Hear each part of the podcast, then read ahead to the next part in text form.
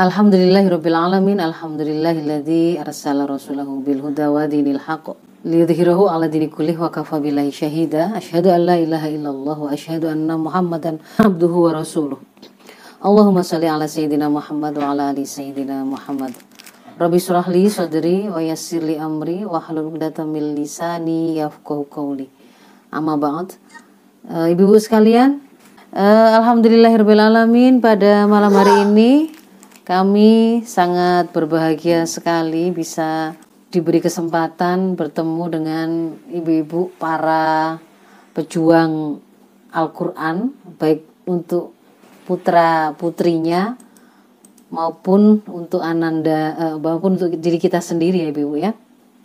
Jadi kalaupun pada malam hari ini kami yang diminta untuk menjadi pembicara ataupun melakukan sharing bukan berarti yang berbicara lebih tahu ilmunya atau mungkin lebih baik amalnya daripada ibu-ibu yang mendengar.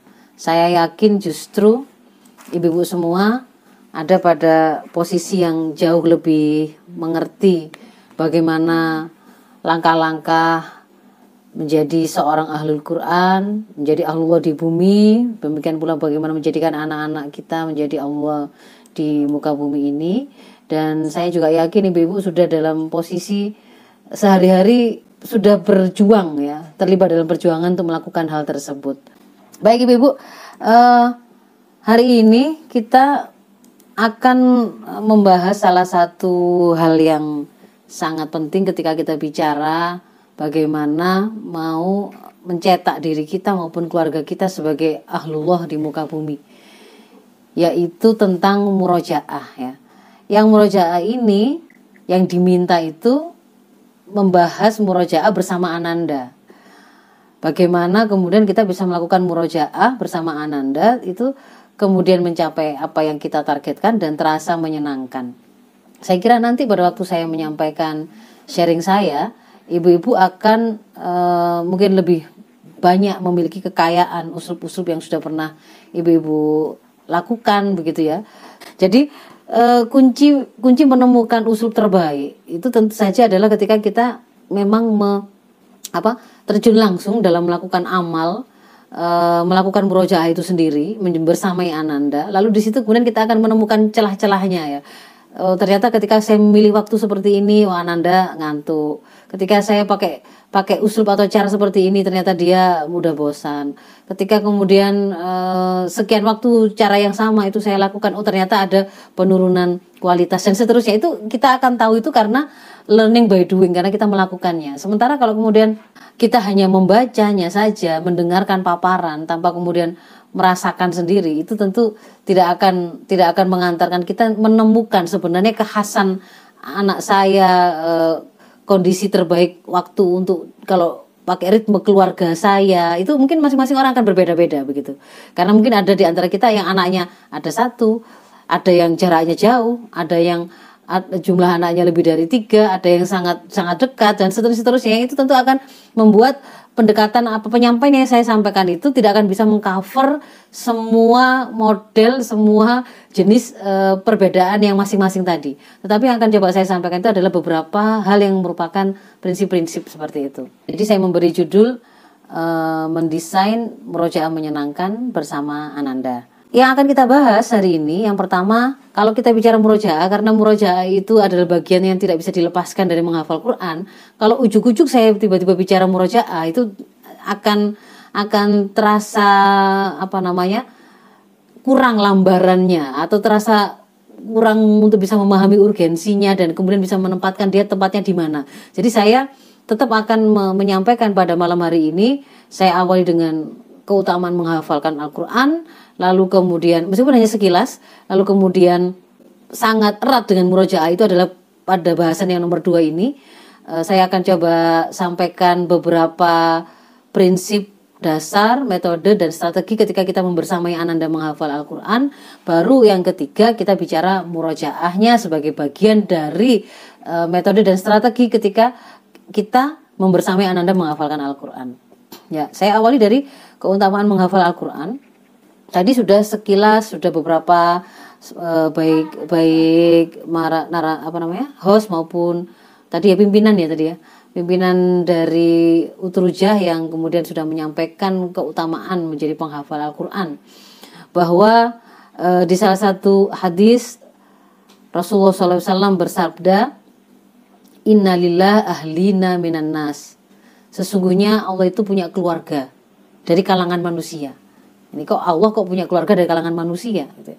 Maka para sahabat kemudian bertanya, "Qalu manhum ya Rasulullah?" Siapa mereka itu wahai Rasul? Maka kemudian Rasul menjawab, "Ahlul Quran, hum ahlullah wa khassatuhu."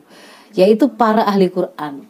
Para ahli Quran ini bukan hanya orang-orang yang menghafalkan lafat-lafat Al-Quran tetapi kemudian mengabaikan isinya.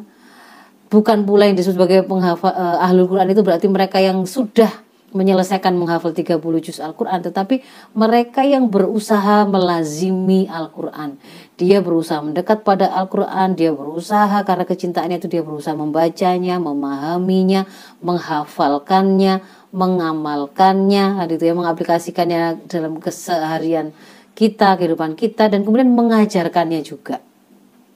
Meskipun proses menyelesaikan hal itu tuh belum belum sampai kepada uh, tahap penyelesaian. Artinya misalkan menghafal membaca itu masih tertatih-tatih kah memahaminya juga masih belum semua lafadz Al-Quran kita pahami menghafalnya juga belum 30 juz sempurna dan belum mungkin. Tetapi ketika kita masih ada dalam jalan di atas jalan itu tadi maka insya Allah kita terkategori sebagai Al-Quran. Ini satu sisi. Sebenarnya kemudian ada banyak sekali dalil-dalil yang lain yang juga menunjukkan keutamaan para penghafal Al-Quran bahwa Al-Quran itu kalamullah maka ketika seorang itu menjadi penghafal Al-Quran ketika Allah mengkabarkan bahwa Allah yang akan menjaga kalamullah itu berarti kita para peng, para penghafal Quran insya Allah itu akan juga menjadi bagian dari mereka mereka yang diberikan kesempatan oleh Allah terlibat dalam penjagaan Al-Quran. Dan itu dimuliakan. Kemudian Al-Quran itu di hadis yang lain juga e, disampaikan dia akan menjadi syafaat bagi para pembacanya mulai dari kubur sampai mengantarkannya ke ke dalam surganya. Orang yang memiliki hafalan Al-Qur'an kelak ketika di akhirat itu kan di, akan disuruh untuk membaca dan dia naik ke ke surga yang lebih tinggi lebih tinggi se, se, sejauh mereka memiliki hafalan mereka akan berhenti pada hafalan atau pelafatan atau uh, pembacaan Al-Qur'an yang mereka lakukan terakhir kali. Jadi uh, kemudian juga pada pada sejarahnya Rasul juga memberikan penghargaan kepada para penghafal Quran ini melebihi orang-orang yang tidak menghafalnya. Misalkan uh, pada waktu para syuhada Uhud ketika meninggal yang didahulukan itu kemudian di antara yang mendapatkan kemuliaan didahulukan untuk dikuburkan adalah mereka-mereka yang ahlul Quran. Termasuk juga ketika beliau menunjuk pemimpin untuk menjadi panglima pasukan itu juga ketika sama sama levelnya, sama solihnya, sama hebatnya begitu, maka hafalan Al-Quran ini menjadi tambahan bagi uh, para sahabat yang yang kemudian akan ditunjuk lebih diprioritaskan untuk menjadi seorang pemimpin pasukan. Yang paling sering mungkin kita sering mendengar uh, ketika anak-anak kita menjadi penghafal Al-Quran maka mereka bisa juga memberikan mahkota kepada ayah ibunya dan juga dipakaikan baju kehormatan atau kebesaran yang itu menunjukkan kemuliaan ya kemuliaan yang didapatkan bahkan oleh orang tuanya sang penghafal Al-Quran. Jadi Al-Quran itu tentu saja karena dia itu berasal dari yang maha mulia siapa pun yang berusaha mendekat padanya memegangnya menjaganya mengamalkannya mengajarkannya maka dia pun akan dimuliakan oleh Allah. Dan Allah telah me menyampaikan uh, menghafal Al-Quran itu adalah sesuatu yang mudah ya. Meskipun kita merasakan merasakan nggak ya nggak semudah itu gitu ya. Kelihatannya juga nggak kalau mudah itu mungkin kayaknya kok tidak membutuhkan satu pengorbanan ataupun nggak menghadapi kesulitan tertentu. Faktanya ya ada kesulitan tetapi kalau kemudian e, kita membuka tuntunan dan janji yang diberikan oleh Allah di dalam surat Al-Qamar ayat 17 di sana Allah jelas secara sorry mengatakan walaqad yassarnal qur'ana lidzikr dan sesungguhnya kami telah mudahkan Al-Quran itu untuk menjadi pelajaran. Yang menarik ketika kemudian kita mencoba membuka di dalam tafsir Al-Muyassar, di situ kemudian diterangkan yang dimaksud dengan yasarna di situ itu adalah walakot sahalna lafdzul Quran litilawati wal dan sungguh telah kami mudahkan. Lafat-lafat di dalam Al-Quran itu untuk kemudian dibaca. Membacanya mudah. Menghafalnya juga mudah. Wa ma'aniyahu lil fahmi wa tadabburi. Dan juga makna-makna yang ada di dalamnya yang terdibawa oleh lafat-lafat Quran itu itu juga dimudahkan untuk kemudian kita menjadi faham untuk kemudian di, kita kita tadaburi untuk kita ambil pelajaran darinya jadi kalau kemudian ibu-ibu secara faktual melihat al, uh, kitab suci apa yang kemudian banyak penghafalnya dan hafalannya itu sifatnya itu sempurna bahkan meskipun itu hanya berupa satu huruf saja, tambahan satu huruf saja atau tambahan tasdid saja itu dihafal secara sempurna. Itu ya hanya Al-Qur'an saja. Dan itu tidak mungkin bisa dilakukan kita lakukan kecuali karena Allah telah memudahkannya untuk kita. Jadi yakin bahwa menghafalkan Al-Qur'an itu memang adalah sesuatu yang mudah insya Allah. Nah, maka kemudian eh, setelah kita paham keutamaan menghafal Quran itu dan menghafal Quran insya Allah dimudahkan. Kita kan kemudian semua insya Allah terdorong tergerak untuk berlomba-lomba menghafalkan Al-Quran menjadi ahlullah mendapatkan eh, berharap mendapatkan syafaat dari Al-Quran yang kita baca dan seterusnya dengan cara menjadi para penghafal dan penjaga Al-Quran tersebut.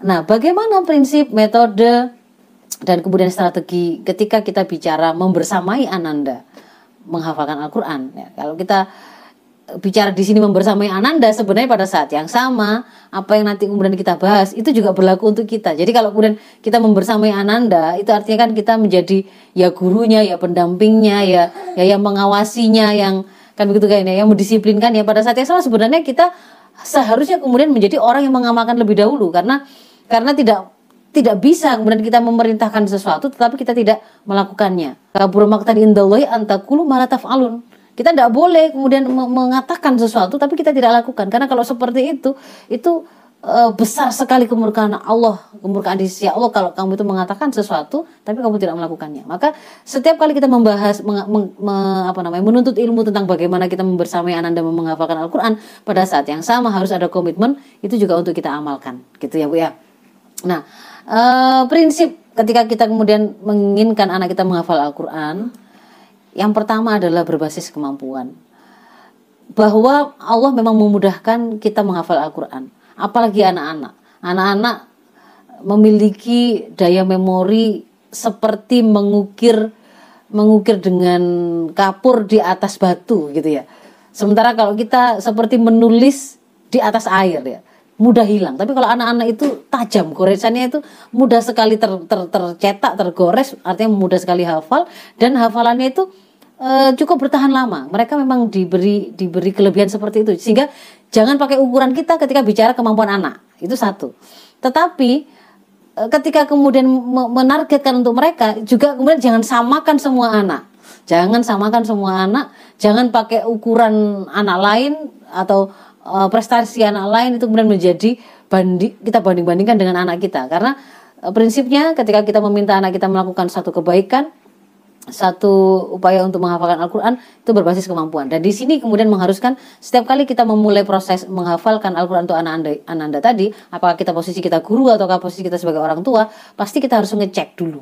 Supaya bisa menetapkan uh, apa namanya starting point kita memulai anak-anak kita itu di mana gitu ya. Anak umur 3 tahun, anak umur 5 tahun, anak umur 8 tahun, 10 tahun, anak yang sudah mengenal huruf, sudah bisa membaca dengan tartil, makhorijil hurufnya, tahsinnya bagus gitu ya, tajwidnya bagus, ataukah yang masih masih belum bisa begitu ya? Masih satu tahun, dua tahun, yang itu kemudian belum bahkan belum mengenal lambang-lambang sama sekali misalkan, maka itu akan berbeda begitu ya. Nah, ketika kemudian anak itu belum ada pada kemampuan memiliki kemampuan membaca sendiri, membaca sendiri kalau membaca ini kan berarti sudah sudah sudah mengenal lambang ya. Karena di situ ada huruf-huruf yang kemudian harus dia kenali. Lalu dia gandengkan lalu dia baca lalu kemudian di situ ada aturan cara mengeluarkan hurufnya. Lalu bagaimana kemudian eh, apa namanya tajwidnya gitu ya. Ada dengungkah ada dan seterusnya. Itu itu sesuatu kemampuan yang sangat kompleks begitu ya. Nah kalau kemudian anak kita itu belum ada pada kemampuan membuka sendiri membaca sendiri dengan dengan dengan bacaan yang bagus maka tentu saja tidak bisa kita meminta dia memulai hafalan itu dengan cara membacanya. Pasti kita akan kemudian mengambil metode kita mentalkinnya. Mentalkin itu berarti kita yang membaca kita membaca dengan keras, sengaja diperdengarkan di hadapan anak agar dia melihat bagaimana kita menghas menghasilkan bunyi-bunyi itu, bagaimana huruf itu kemudian dilahirkan dikeluarkan oleh mulut kita makhrajul hurufnya, bagaimana kemudian panjang pendeknya itu dia mendengarkan, dia menyaksikan, lalu harapan dari apa yang kita perdengarkan dan dia saksikan dari kita itu dia akan ulang itu namanya talkin. Dan kemudian akan kita ulang-ulang Ya, kita yang mengulang, bukan bukan anak kita, kita yang mengulang. Kita ulang satu ayat itu berulang-ulang itu namanya takrir gitu ya. Nah, sehingga kemudian sampai dia hafal. Itu kalau dia belum bisa membaca sendiri. Tapi kalau kemudian anak-anak yang dia sudah mulai mandiri, ini sudah lancar membaca Al-Qur'an, dia membuka dia dia punya kemampuan duduk yang sudah sudah matang ya usianya sudah usia memayis, sudah usia sekolah, dia sudah bisa duduk sendiri dengan lama begitu, konsentrasi, fokus, dia bisa membuka lembar-lembarnya sendiri. Maka pada waktu seperti itu kita nggak pakai talkin, tapi uh, mutabaah gitu ya. Mutabaah nanti saya terangkan di belakang. Mutabaah itu berarti nanti ada target yang dia tetapkan atau atau kita guru atau orang tua yang tetapkan, lalu kemudian dia menghafalkannya secara mandiri. Secara mandiri itu tidak di tempat uh, tahfidnya, tidak di sekolahnya tapi dia di rumahnya begitu. Lalu kemudian nanti dia setorkan lalu kemudian kita memonitornya kita mendengarkannya. Kalau ada salah kita koreksi lalu kita kita kita tulis dalam monitoring yang berikutnya begitu ya.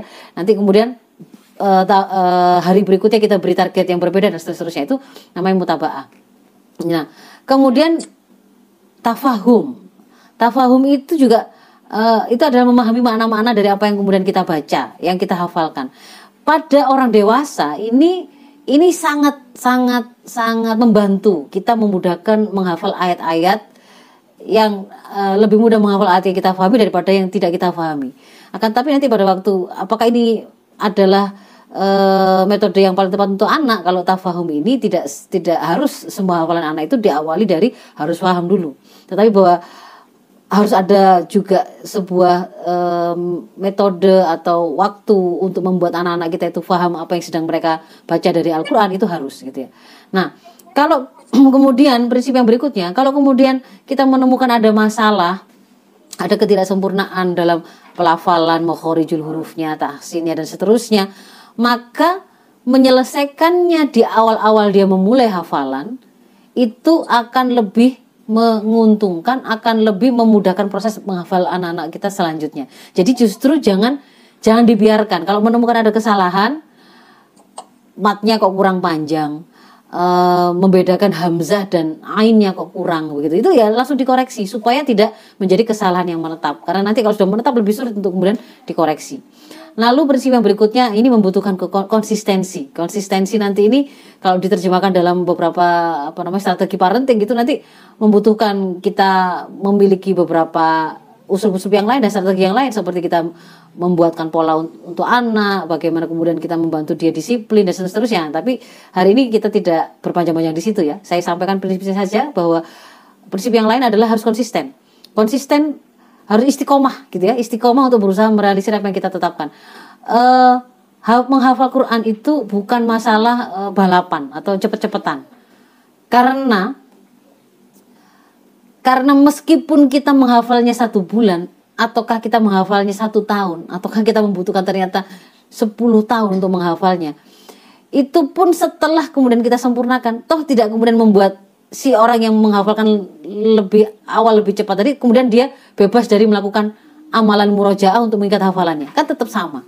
Karena begitu kemudian kita itu tidak tidak memurojaah maka apa yang sudah kita hafal itu akan hilang dengan sangat mudahnya dan seolah-olah kita memulai hafal itu dari awal jadi tidak ada urusannya dengan cepat-cepatan di sini, tetapi bagaimana kemudian eh, keistiqomahan di situ, keistiqomahan mendekat, keistiqomahan, keistiqomahan untuk membaca, keistiqomahan memurojaah, menambahnya dengan memahaminya. Itu yang sebenarnya lebih penting di dalam proses menghafal Quran. Lalu e, harus ada evaluasi untuk kemudian melakukan penilaian dan perbaikan. Dan ini biasanya kayak ini tadi misalnya saya lihat ini tadi namanya apa? Tes tes publik ya? Tadi ya tes tes publik ya anak-anak tadi ya disebutnya ya. Ya itu boleh itu bagian dari proses evaluasi kan untuk kemudian kita melihat oh keberanian anak oh begini membacanya oh eh, apa namanya hafalannya masih masih ada kekurangan di sini bacaan makhrajul hurufnya masih seperti ini dan seterusnya. Ini kita mengenalnya ada karanya dalam bentuk tasmik ada ujian tengah juz dan seterusnya. Nah, itu dari sisi prinsip. Lalu kalau dari sisi metode untuk menghafal, kalau ibu-ibu apa namanya apakah googling kah apakah menyimak paparan-paparan para penghafal Quran di YouTube kah? Atau kemudian mengikuti ketika mengikuti kelas-kelas uh, hafalan Quran itu kita akan menemukan ada um, apa namanya metode itu macam-macam begitu ya. Metode itu macam-macam. Tetapi kalau kemudian boleh saya saya rang, rangkumkan dan itu ambil dari hal yang sifatnya prinsip dan pasti akan selalu sama ada itu pasti tidak akan keluar dari ada 4T dan 2M ini bahasa saya saja ini ya 4T itu untuk yang tadi itu talkin dan takrir ya. Talkin itu berarti kalau anak yang nggak belum bisa baca kan harus kita yang membacakan kita menalkinnya menuntunnya kita yang membunyikannya gitu kan ya. Harus berarti kan harus benar yang memberi contoh ini. Maka di situ berarti sang penalkin supaya hafalan anaknya itu benar sang penalkin berarti dia harus taksin dulu kan begitu kan ya. Si penalkin nggak harus hafal tetapi dia membacanya harus benar kan gitu kan ya. Pasti dia harus dia harus sudah belajar dulu si ibunya atau gurunya tadi itu agar yang kemudian dia bacakan dan nanti akan diduplikasi ditirukan oleh anaknya atau muridnya itu benar Nah, talkin, lalu takrir, takrir itu pengulangan-pengulangan, diulang-ulangnya itu, diulang-ulangnya. Ada yang kemudian kita mungkin kalau kita googling, ada yang mengatakan pengulangan minimal 20 kali satu ayatnya atau satu barisnya diulang 20 kali, 20 kali, 20 kali. Lalu kemudian digabung dengan ayat berikutnya dan berikutnya lalu di, diulang lagi ya. Itu yang penting yang jelas mau berapa kalinya tetapi eh, pasti ada takrirnya, nggak mungkin nggak ada takrirnya. Meskipun kemudian ada yang tiga kali diulang saja ternyata anak itu sudah hafal, bisa jadi. Seperti Ustadz Adi Hidayat itu kan membaca saja sepertinya kemudian pada waktu beliau menghafal itu kan katanya kan kok kok hafal kok nempel kok nempel kok nempel gak bisa berhenti karena setiap yang dibaca ternyata kok langsung menempel begitu kata beliau kalau saya menyimak dari uh, video beliau. Nah, jadi ada takrir, ada takrir dan nanti ada yang namanya tasmi ya. Yang tapi kalau saya urutkan ada talqin, ada takrir, lalu ada anak-anak yang sudah bisa membaca tadi, membaca sendiri, maka di situ kita menggunakan metode mutabaah, dia sudah bisa diminta untuk menghafal mandiri.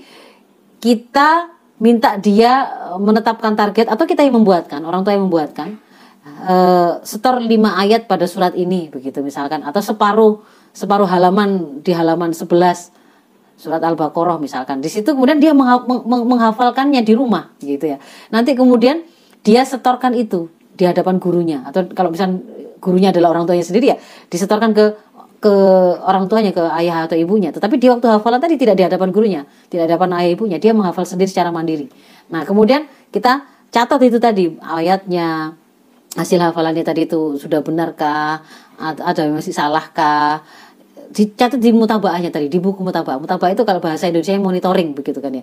Nah di sini yang harus dicatat bahwa meskipun anak itu sudah mandiri bisa menghafal sendiri begitu ya pada waktu kemudian dia menyetorkannya ke kita sebagai guru itu harus harus tegas gitu ya. Harus tegas dalam arti kalau memang kemudian di situ ada kesalahan ya harus dikoreksi. Kalau kemudian tidak mencapai target ya berarti bagaimana caranya kemudian di situ harus dibantu, dinasehati, di, di, di, di, diberi arahan-arahan untuk bisa dia kemudian bisa meraih apa yang kemudian ditargetkan begitu. Bisa melaksanakan amanahnya. Kemudian yang berikutnya adalah e, metode berikutnya adalah tadi tafahum T-nya itu untuk memudahkan menghafal terutama orang dewasa adalah memahami arti yang yang kita baca. Berikutnya adalah e, pasti harus ada murojaah pasti harus ada murojaah M-nya itu dan yang dan yang T berikutnya adalah ada tasmi Tasmi sebagai salah satu penanda capaian sekaligus evaluasi dan penilaian. Nah, kemudian yang berikutnya adalah strateginya. Strateginya ini e, berarti kan bicara langsung implementasinya itu kira-kira berarti seperti apa gitu ya tahapannya. Kalau kalau dibikin e, apa namanya urutannya gitu kira-kira kalau dari awal pada waktu kita mau memulai memulai anak membersamai anak menghafal Quran itu perhatikan adab. Adab menghafal Al-Quran. Berawal dari kita luruskan niat. Kita sendiri meluruskan niat, lalu kita ajari anak-anak kita meluruskan niat.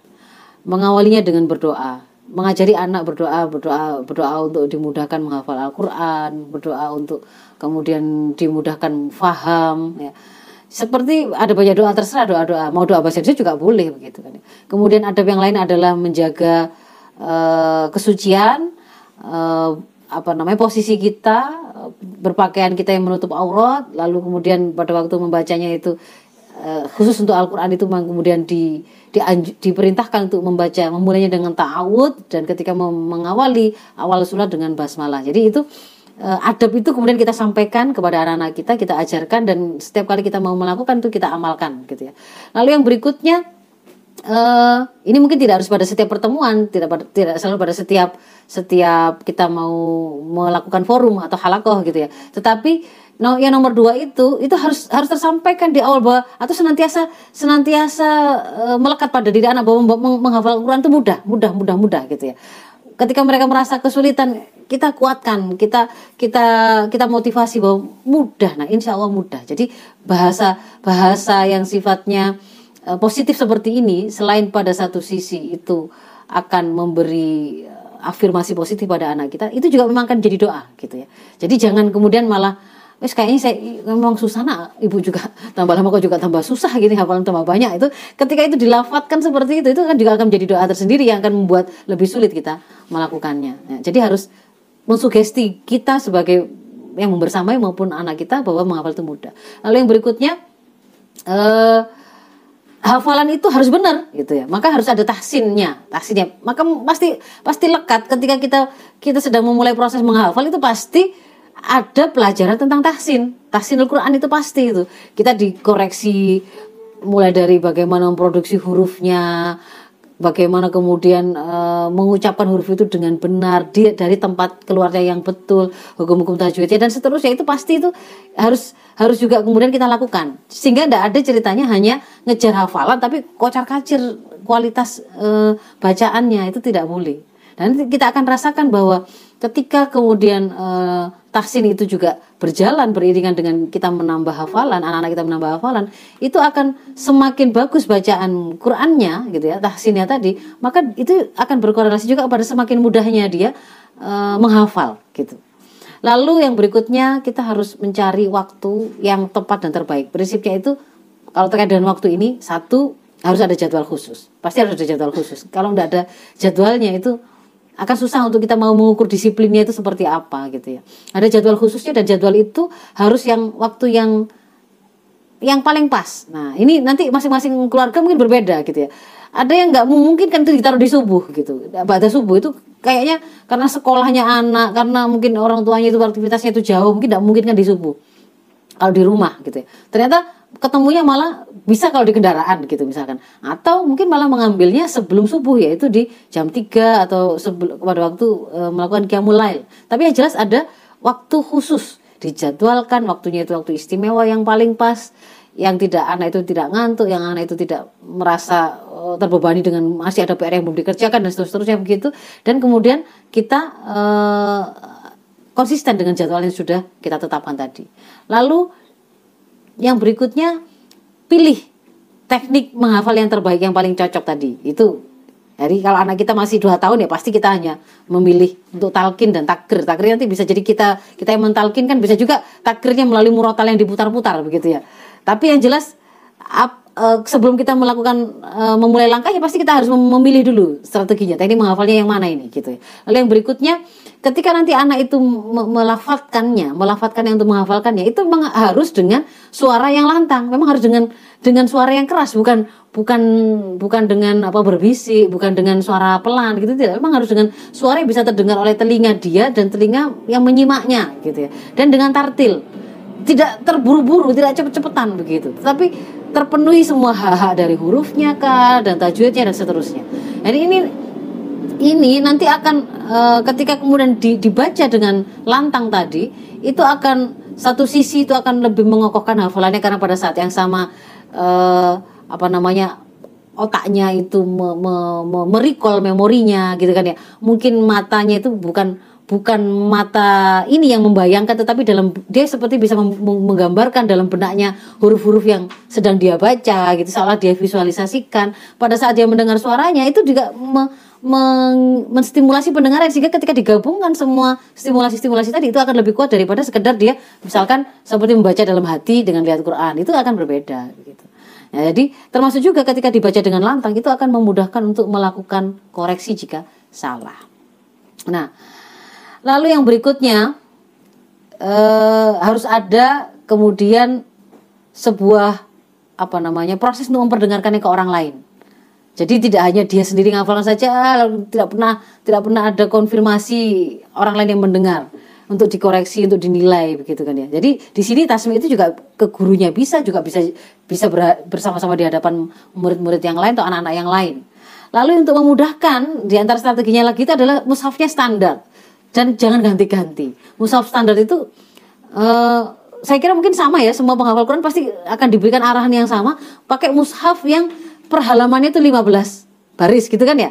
Yang Quran pojok artinya setiap halaman itu adalah awal awal dari ayat dan setiap barisnya itu adalah setiap halamannya terdiri dari 15 baris sehingga semuanya sama. Misalkan eh, kalau kita memakai surat apa Al-Qur'an yang standar ini, mushaf yang standar ini, maka halaman satu pasti Al-Fatihah, halaman dua pasti eh, Al-Baqarah, eh, Alif Lam Mim sampai eh, sampai ayat ke kelima. Kemudian nanti halaman ketiganya kan eh, Ladina kafaru ya. Inaladina kafaru. Kemudian yang halaman berikutnya pasti mahtalum kan begitu kan ya. Jadi uh, berikutnya wabashir. Jadi pasti itu sama gitu dan itu dan itu sebenarnya nanti akan uh, menjadi satu apa namanya? Satu usul yang yang sifatnya seperti anchor, anchor bahasa bahasa tulisannya anc ancor ya. Anchor, anchor itu kayak apa? Uh, anchor itu kayak peng, pengikat atau pe, penanda yang bisa memudahkan kita untuk hafal gitu. Jadi kan kanan, kiri, atas, bawah, lalu awal dari halaman itu, akhir halaman itu itu kan itu kan membantu memudahkan menghafal. Anak-anak juga begitu. Jadi maka dibiasakan juga e, menggunakan mushaf standar tadi. Termasuk kita juga begitu. Jadi kalau kemudian kita sering mendengar kok penghafal Quran itu sampai hafal ini halaman berapa, itu atas atau ke bawah. Sebenarnya itu alami saja karena memang justru karena karena kita itu me, me, me, apa namanya mau membantu memudahkan mengingat itu akhirnya dengan cara membayangkan ini di kanan ini di kiri ini tadi halamannya kalau tadi itu satu dua tiga oh ini tiga dan ini empat itu tadi di kan begitu kan ya tempatnya di tengah atau di atas itu karena memang membantu kita gitu semakin memudahkan.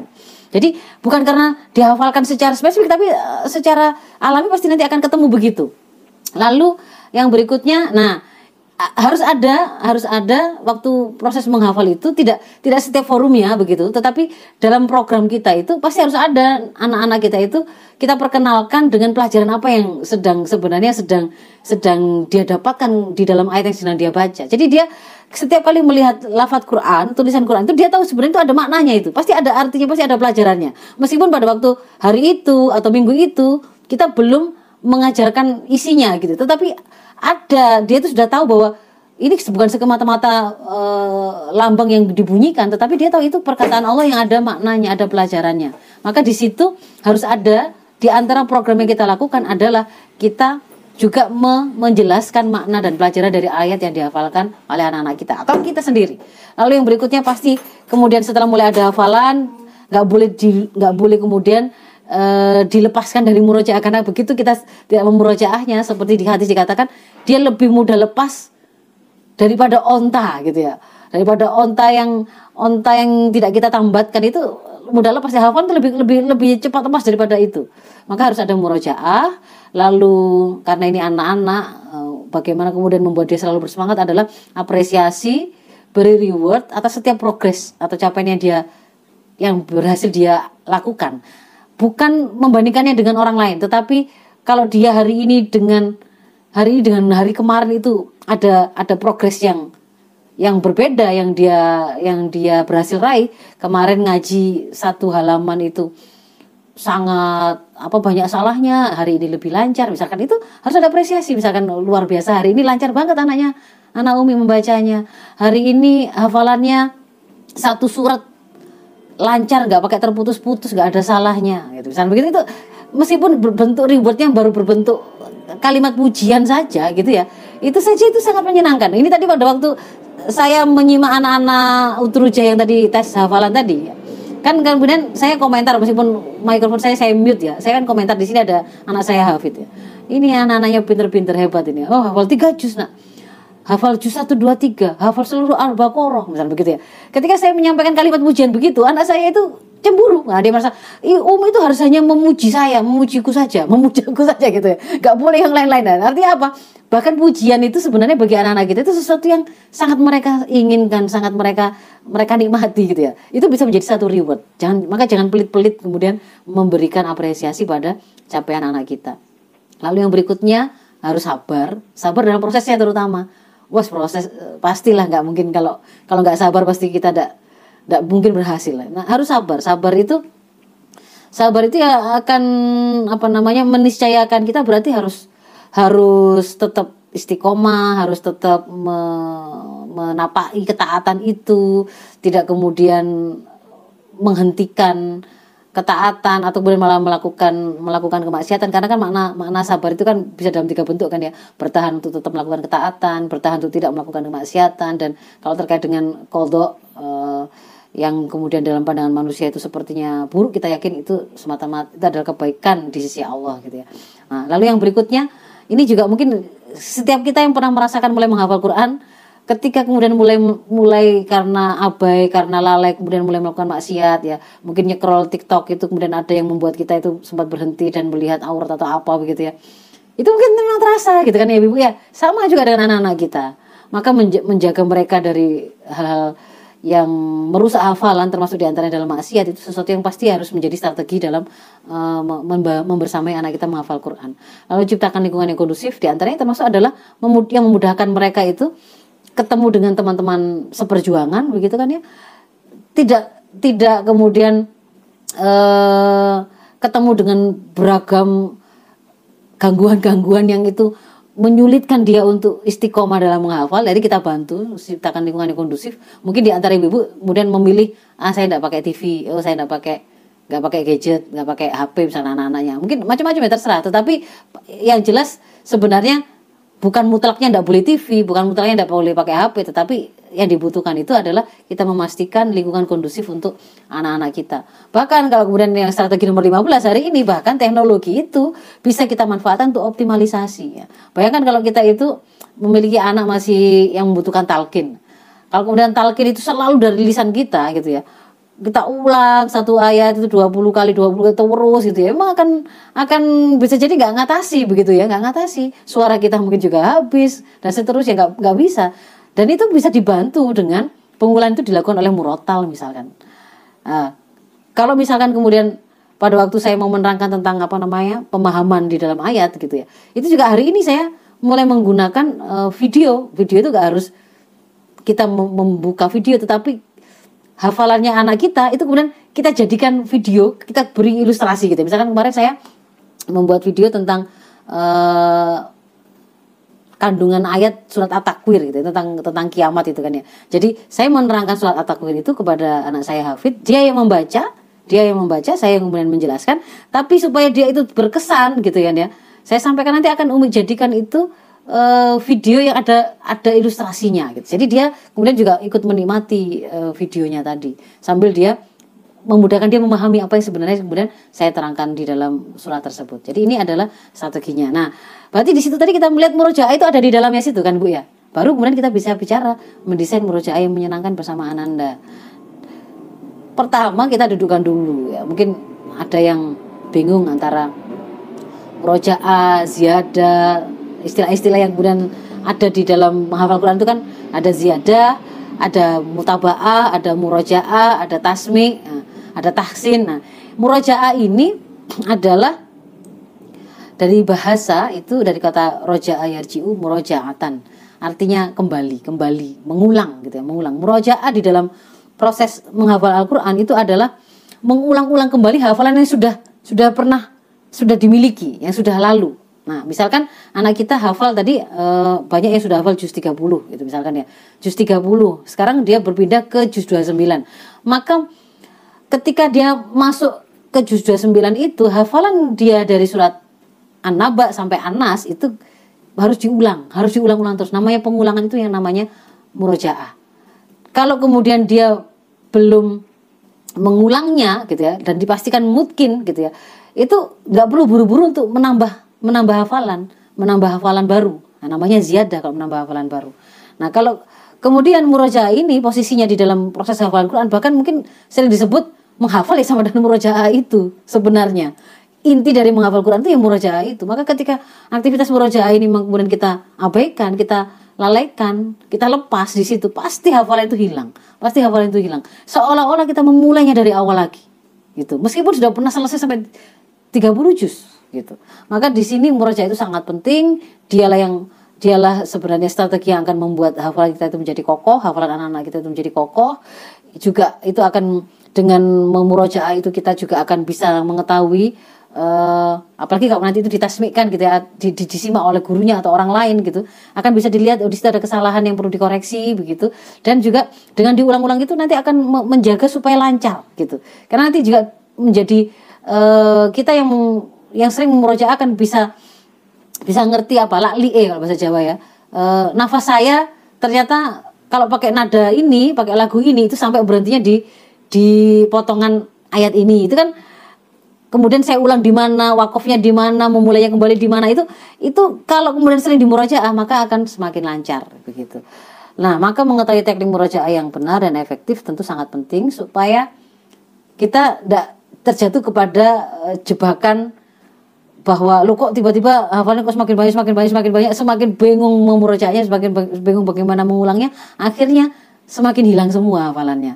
Nah, kita coba mengenali beberapa metode murojaah Al-Qur'an untuk anak. Ini yang saya sampaikan ini di antaranya yang yang juga saya dapatkan atau saya ambil dari metode murojaah yang dipakai di uh, Kutab Al-Fatih ya. Kutab Al-Fatih itu yang punyanya Ustadz Budi Azari. Jadi kalau kalau bahasa kita prinsipnya murojaah itu pasti mem, satu memurojaah hafalan yang sudah lama dan memurojaah hafalan Quran yang masih baru. Nah, kalau di di Kutab Al-Fatih itu disebut murojaah Al-Quran manzil itu untuk hafalan lama mengulang hafalan yang sudah lama atau sangat lama. Sementara kalau yang uh, murojaah murojaah sabki itu yang barusan dihafal. Kalau untuk yang hafalan itu lama itu ya tergantung nanti dia berapa banyaknya, berapa banyaknya kan sudah sudah hafal 30 juz dengan uh, hafal baru satu juz tentu akan berbeda. Tapi yang jelas harus di ada ada ada sebuah penataan untuk bisa meng, menghabiskannya dan membuatnya itu berulang berulang secara ritmis gitu ya. Pasti akan uh, misalkan kalau kemudian kita mau, mengulang hafalan anaba anak kita sudah sudah hafalnya di al-baqarah misalkan. Anaba sampai Anas itu kita mau habiskan dalam satu minggu berarti kan dia dibagi itu dalam tujuh hari itu dan itu harus dilakukan setiap hari. Nyambung terus nyambung terus. Hari Anas Anaba lalu kemudian seterusnya seterusnya seterusnya. Nah kalau kalau yang masih hafalannya masih baru itu uh, mungkin karena masih fresh pada waktu kita itu atau anak kita itu mau, menyetorkannya kan sering diulang-ulang maka mungkin tidak harus setiap hari me me mengulangnya itu. Nah ada dua prinsip itu. Kemudian dari sisi uslubnya uslubnya itu bisa kalau untuk untuk apa namanya kita memiliki murid yang banyak dan waktu yang lebih efektif, lebih efisien, langsung ter langsung apa mereka itu terstandarisasi dari satu sumber yang sama, metode usul yang ini itu adalah yang cukup apa namanya? cukup recommended ya. Murojaah jama'i. Jadi bareng-bareng semua murid dan guru melafatkannya. Mungkin kalau misalkan e, Utruja ada kelasnya gitu ya. Saya tidak tahu apakah online saja atau offline-nya jadi misalkan kalau kemudian ini ada pertemuan offline-nya ya membuka halakohnya, membuka kelasnya tadi setelah dibuka, diawali dengan tadi adab-adab tadi, uh, kemudian uh, mungkin juga apa namanya ada persiapan menulis sesuatu dan seterusnya. Maka sebelum sebelum memulai pelajaran hari itu, itu ambillah momen itu untuk melakukan murojaah jamaah ini tadi bareng-bareng begitu ya minimal ya 15 menit minimal itu ya. Supaya kemudian di situ uh, ada kalau kalau kita pakai kecepatan kecepatan sedang arti itu kan kira-kira kan satu jus satu jam itu kan ya normal gitu kan ya. Jadi kalau misalkan 30 menit mungkin ya setengah jus kan begitu. Kalau 15 menit mungkin ya seperempat seperempat jus. Jadi di situ kita pakai untuk melakukan murojaah bersama-sama. Dilakukan setiap hari. Setiap hari Nanti misalkan Anas sampai Al-Duha Senin, lalu lanjutannya di Selasanya Asal sampai Al-Balad, lalu seterusnya sampai An-Naba, nanti muter lagi di situ tujuh hari. Nah, itu untuk yang e, murojaah jama'i. Keuntungannya ini e, atau manfaatnya ini guru bisa langsung membenarkan apa-apa yang diperlukan dalam tahsin untuk anak-anak murid kita gitu ya. Jadi di situ misalkan pada waktu kita mental apa bersama-sama bersama-sama membunyikan kok ternyata kita mendengar ada ada yang kepanjangan, ada yang kurang panjang kan langsung dikoreksi. Ya, koreksinya kan langsung dari guru yang sama, didengar oleh semua muridnya. Jadi langsung di situ langsung langsung uh, terkoreksi secara massal ya. Jadi standarnya juga sama nggak nggak dari guru yang berbeda begitu. Ketika kemudian ada ada makhrajul huruf juga perlu dikoreksi juga nggak akan nggak akan berbeda antara satu orang dengan orang lain murid murid kita mendengarnya dari guru yang sama. Maka ini akan membuat kemampuan bacaan dari seluruh murid di satu kelas tadi itu akan rata baik dari sisi kualitasnya maupun kuantitasnya itu keuntungannya kalau murojaah jama'i. Nah itu kalau mau dipakai nanti di rumah juga bisa seperti itu nanti. Kemudian yang kedua adalah uh, ini untuk anak-anak yang berarti sudah mulai bisa dipercaya, ya, disiplin, begitu ya. Dia sudah mengenal adab adab Quran secara mandiri dan dia sudah melaksanakannya. Ini bisa dilakukan murojaah mandiri, tapi secara berpasangan dengan teman. Nah, dia dia kita yang memasangkan atau di, mereka yang memilih pasangannya masing-masing yang jelas kemudian e, diberi tugas pada waktu temannya me, melakukan murojaah teman yang lainnya menyimak sebagai musami lalu kemudian kalau gantian setelah selesai gantian satunya yang kemudian murojaah satunya menyimak. Nah, ketika kemudian menyimak itu juga eh, harus dipastikan juga kalau tidak yakin hafalnya ya berarti dibolehkan sambil membuka gitu kan karena dia nanti harus mengoreksi.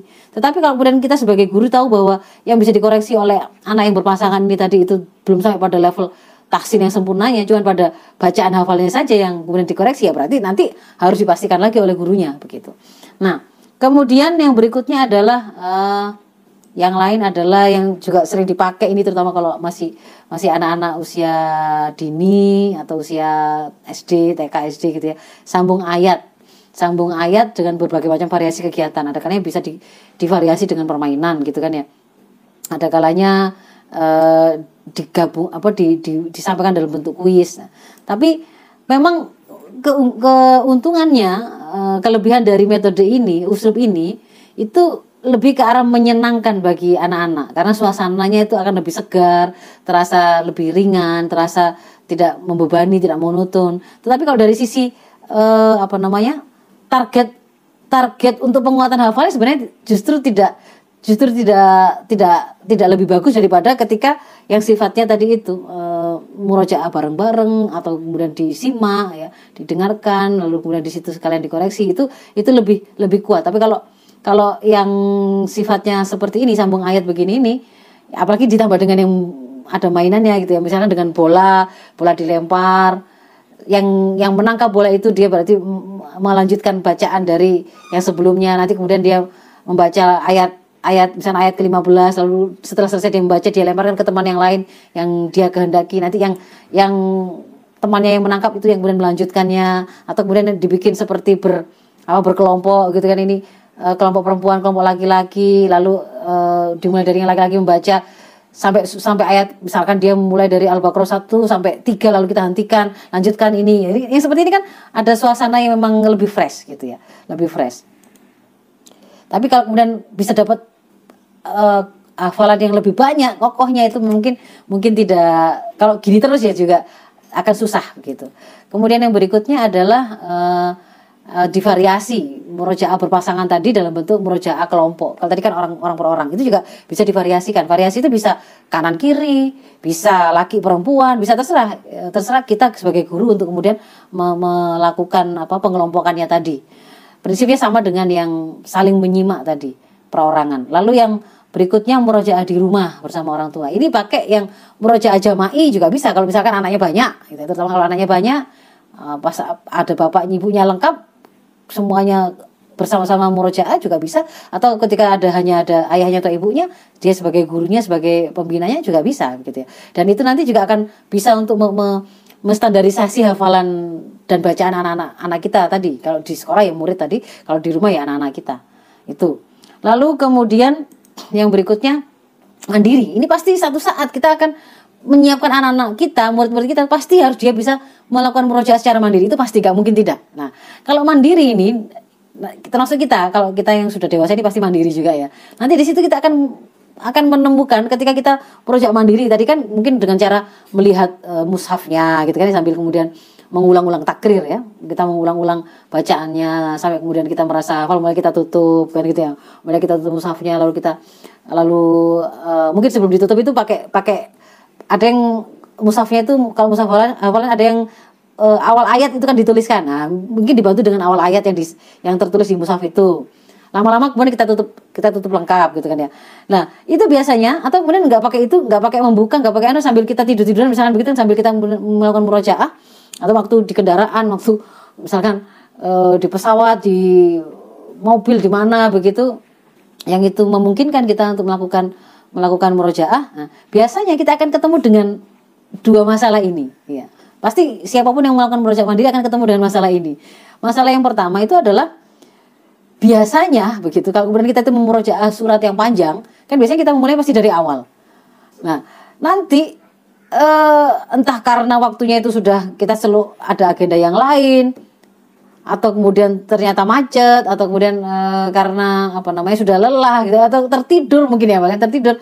Akhirnya biasanya berhenti e, di tengah-tengah ayat gitu ya. Sehingga nanti ketika kita mau mulai murojaah lagi kan kita mulai lagi dari awal. Akhirnya yang paling yang paling kuat hafalan itu memang ayat-ayat yang awal. Misalkan al-baqarah e, juz satu mungkin al-baqarah satu sampai sampai halaman 10 misalnya begitu ya itu mungkin yang paling hafal gitu. Tapi yang mulai halaman 11 sampai 21 itu mulai mulai mulai nyampur-nyampur, mulai mulai nggak ingat karena setiap kali mau mulai lagi kita mulai dari awal. Akhirnya yang hafal awal awal awalnya, yang tengah-tengah semakin ke belakang semakin hilang. Itu masalah pertama. Yang kedua biasanya uh, pada waktu kita murojaah karena selalu kita itu menghafal itu dengan cara urut gitu ya.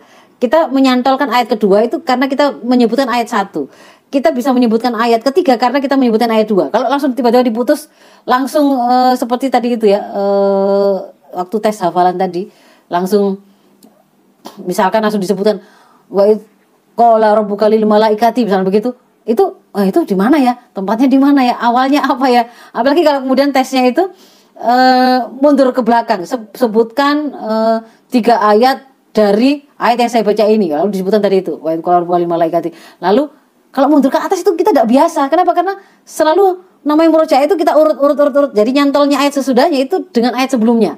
Akhirnya ketika kemudian e, macet gitu ya. Biasanya kita itu macet dan membuat ayat ayat yang sesudahnya itu hilang, ayat sebelumnya juga kita nggak nggak ingat gitu. Nah, sehingga akhirnya kita membuka Al-Qur'an. Nah, ini biasanya kemudian kita temukan pada waktu kita murojaah secara mandiri.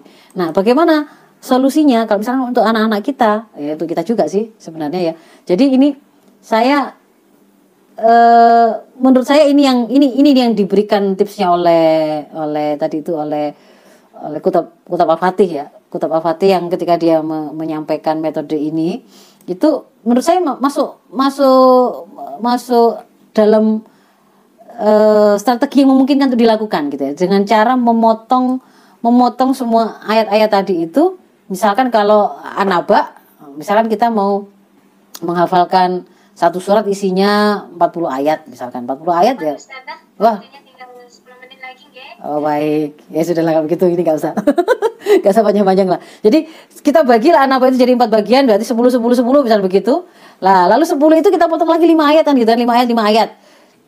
Lalu masuk ke dalam pengulangan 1 sampai 5. Jadi nggak harus nggak harus selalu setiap kali memulai murojaah itu dari ayat pertama sampai kelima tetapi nanti bisa jadi kita memulai dari lima lima ayat yang kedua atau sepuluh ayat yang kedua atau sepuluh ayat yang ketiga tapi itu dihafal dan itu kita cantolkan dengan kita mengikatnya dengan dengan jari yang kemudian kita yang kita gerakkan. Nah, misalkan begitu. Nanti mungkin ibu-ibu bisa baca sendiri dan materinya ini akan saya berikan kepada seluruh pesertanya. Ya, saya lanjutkan saja kalau begitu. Yang berikutnya, uh, insya Allah ini yang terakhir ya murojaah dalam sholat. Nah ini juga kalau menurut saya ini juga sangat membantu dan hari ini seandainya ketika kita itu melakukan murojaah dalam sholat itu kemudian macet gitu ya.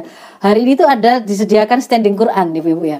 Ada Quran yang ada ada tempat berdirinya dan Qurannya itu mushafnya besar. Jadi kita berdiri jauh kita di sajadah kita itu kita bisa melihat. Jadi nggak membaca karena kita sedang mau murojaah. Tapi kalau kemudian ada macetnya ada lupanya. Kan kita masih ingat itu tempatnya tadi di mana? Di halaman sebelah sini atau sebelah sini kan gitu kan ya?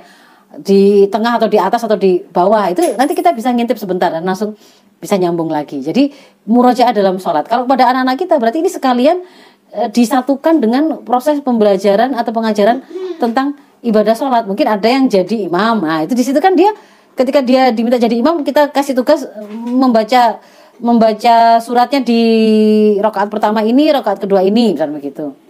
Itu kan juga bagian dari murojaah. kemudian murojaah dengan murotal ini yang kalau misalkan kita mengambil pendapat yang tidak boleh membaca sendiri atau membuka mushaf ketika sedang haid misalkan kalau kalau itu kita ya kita bisa melakukan murojaah dengan mendengarkan murotal atau kalau anak kita tadi dia juga secara mudahnya itu supaya kemudian tidak kosong ketika disambil bermain dia mungkin sambil uh, baca buku baca komik yang itu sifatnya santai itu bisa dengan dengan murotal itu tetap kita putarkan gitu ya. Terutama sekali kalau anak-anak yang usia dini itu akan cepat sekali nangkap karena mereka memiliki uh, daya serap seperti spon otaknya itu. Dan yang terakhir uh, kita bisa me, apa namanya menjadikan momentum atau kesempatan ikut-ikut lomba gitu. Itu juga bagian dari bagian dari strategi murojaah sebenarnya. Satu, ketika kemudian dia ikut lomba, dia kan pasti akan ada semangat untuk kemudian mengulang karena ada persiapan. Yang kedua, pada waktu lombanya sendiri, ketika dia hadir di situ, otomatis dia akan menjadi penyimak kan begitu kan ya, menjadi penyimak. Jadi di situ pada saat yang sama dia pasti akan eh, melakukan murojaah. Jadi mungkin itu beberapa hal yang eh, apa namanya di antara usul-usul murojaah yang bisa kita lakukan pada anak-anak kita. Yang jelas ibu-ibu sebenarnya seandainya pun kemudian kita menemukan ada kesulitan, ada kelambatan, ada ke apa namanya beberapa beberapa hambatan-hambatan yang kemudian sempat membuat kita merasa kayaknya nggak mungkin menghafal kita menghafal atau anak kita menghafal menyelesaikan hafalnya 30 juz maka ingatlah bahwa yang penting itu yang penting itu kita itu tetap ada dalam jalan menjadi ahlullah tadi. Jadi tetap mendekat tetap membuka, tetap membaca kan gitu kan ya, tetap mencoba memahami. Yang sudah difahami kemudian tetap diamalkan. Dan ketika kita sudah memiliki ilmu itu dan bisa dibagi, kita tetap mengajarkannya. Sehingga ketika kemudian kok udah hafal-hafal, fahami bahwa setiap pengulangan yang kita lakukan itu itu adalah sesuatu yang positif. Jadi tidak kemudian kita pahami itu itu negatif gitu. Anak kita kok ngulang-ngulang terus ya, kalau pakai misalnya ada level-levelnya gitu ya. Level 1 itu jus 30 misalnya kalau metode tabarok. Kok level 1 gak lulus-lulus? Gak apa-apa. Kalau kemudian di dalam dia menyelesaikan level 1 tadi ternyata dia itu akhirnya menjadi aneh selalu mengulang-ulang di juz 30 tadi mengulang-ulang-ulang terus maka itu kebaikan bagi dia karena tidak ada yang tidak ada yang buruk dari apa yang dia lakukan ketika dia mengulang Quran tadi satu hurufnya itu ada ganjaran yang berlipat-lipat apalagi diulang-ulang dan itu juga kemudian akan membentuk satu habit tersendiri untuk membuat mereka itu jadi e, dekat dengan Al-Quran. Jadi mungkin kalau dari dari sisi catatan atau nasihatnya ya tetap semangat saja, tetap istiqomah, bersabar, e, apa namanya, memang memang apa pun harga yang kita harus bayar gitu ya, yakini bahwa memang itu cukup berharga untuk kita lakukan. Karena kemuliaan yang diberikan oleh Allah kepada ahlullah ya ini menjadi keluarganya Allah di muka bumi. Tentu saja siapa pun uh, menginginkannya gitu. Saya kira mungkin itu ibu-ibu yang bisa saya sampaikan. Saya mohon maaf kalau memang cukup panjang. Uh, Assalamualaikum warahmatullahi wabarakatuh